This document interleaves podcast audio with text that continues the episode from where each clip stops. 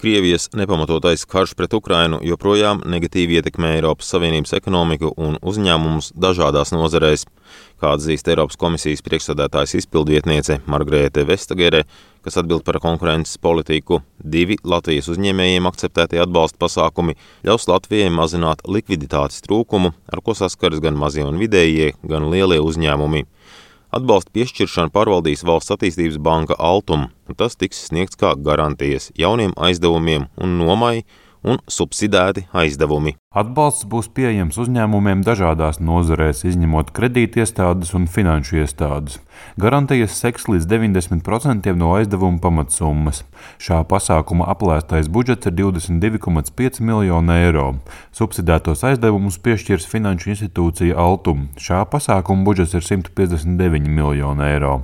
Gan maksimālā aizdevuma vai nomas summa, ko sedz valsts garantija, gan maksimālā subsidētā aizdevuma summa vienam saņēmējam būs vai nu 15% no gada apgrozījuma pēdējos trijos pārskata periodos, vai 50% no enerģijas izmaksām, kas radušās 12 mēnešu laikā.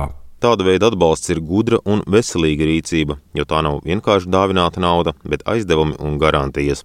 Tā vērtē Latvijas Tirdzniecības un Rūpniecības kameras valdes priekšsādātājs Jānis Enziņš skaidrs, ka Krievijas iebrukuma rezultātā visa situācija paucēmniecībā ir krietni sarežģīta un nav noslēpums to izjūt gan iedzīvotāji, gan, protams, arī uzņēmēji, ka daudzas lietas paliek krietni dārgākas. Un, ja mēs raugāmies no tādām biznesa kurpēm, tad uh, ļoti īsā termiņā daudzas būtiskas izēvielas priekš ražošanas procesa vai nu kļuva nepieejams, vai nu cena uzleca ļoti augstu.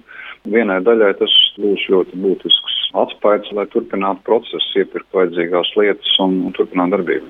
Kuras nozares tās varētu pirmkārt būt? Es domāju, ka noteikti pārtiks ražošanas nozarē, bet ne tikai. Es domāju, būs arī ķīmijas farmācijas nozare, arī dažādas ķīmiskās vielas importēja pirms tam no Krievijas, Baltkrievijas pietiekami lielā apmērā. Un es domāju, arī tāpat citas nozares, metāla apstrādes industrija un citas. Tādu atbalstu augstu vērtē arī Latvijas darba devēju konfederācijas ģenerāldirektore Līga Meņģelsone, kas to dēvē nevis par vienkārši atbalstu apēšanai, bet ieguldītu naudu, kas dos pievienoto vērtību nākotnē. Šī konkrētā programma, ko Lijā ir sagatavojusi, un uzņēmēji savukārt jau ir sagatavojuši savus augstus gatavības projektus, tad būtu īstais laiks tieši investēšanai un attīstībai. Jo, protams, ka mums šobrīd ir ļoti daudz vajadzību, kur ir atbalsta mehānismi, kur uh, atbalsta vienu vai otru sabiedrības grupu. Jā, tas ir vajadzīgs, bet tas tomēr ir apēšanai. Tāpēc šādi investīcija projekti, kas uz nākotni vērsti, ir ļoti vajadzīgi. Piebildīšu, ka pašlaik nav zināms, vai uzņēmēji dabūs arī kādu valsts atbalstu gaidāmajā ziemā. Nākamajā apkurses sezonā tie rosina valdību lemt par pilnīgu vai daļēju sadalas tarifu kompensāciju juridiskām personām un obligātās iepirkuma komponentes nepiemērošanu, līdzīgi kā tas bija iepriekšējā ziemā.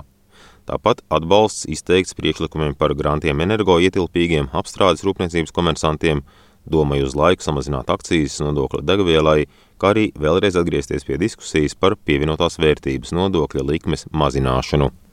Edgars Kupčs, Latvijas radio.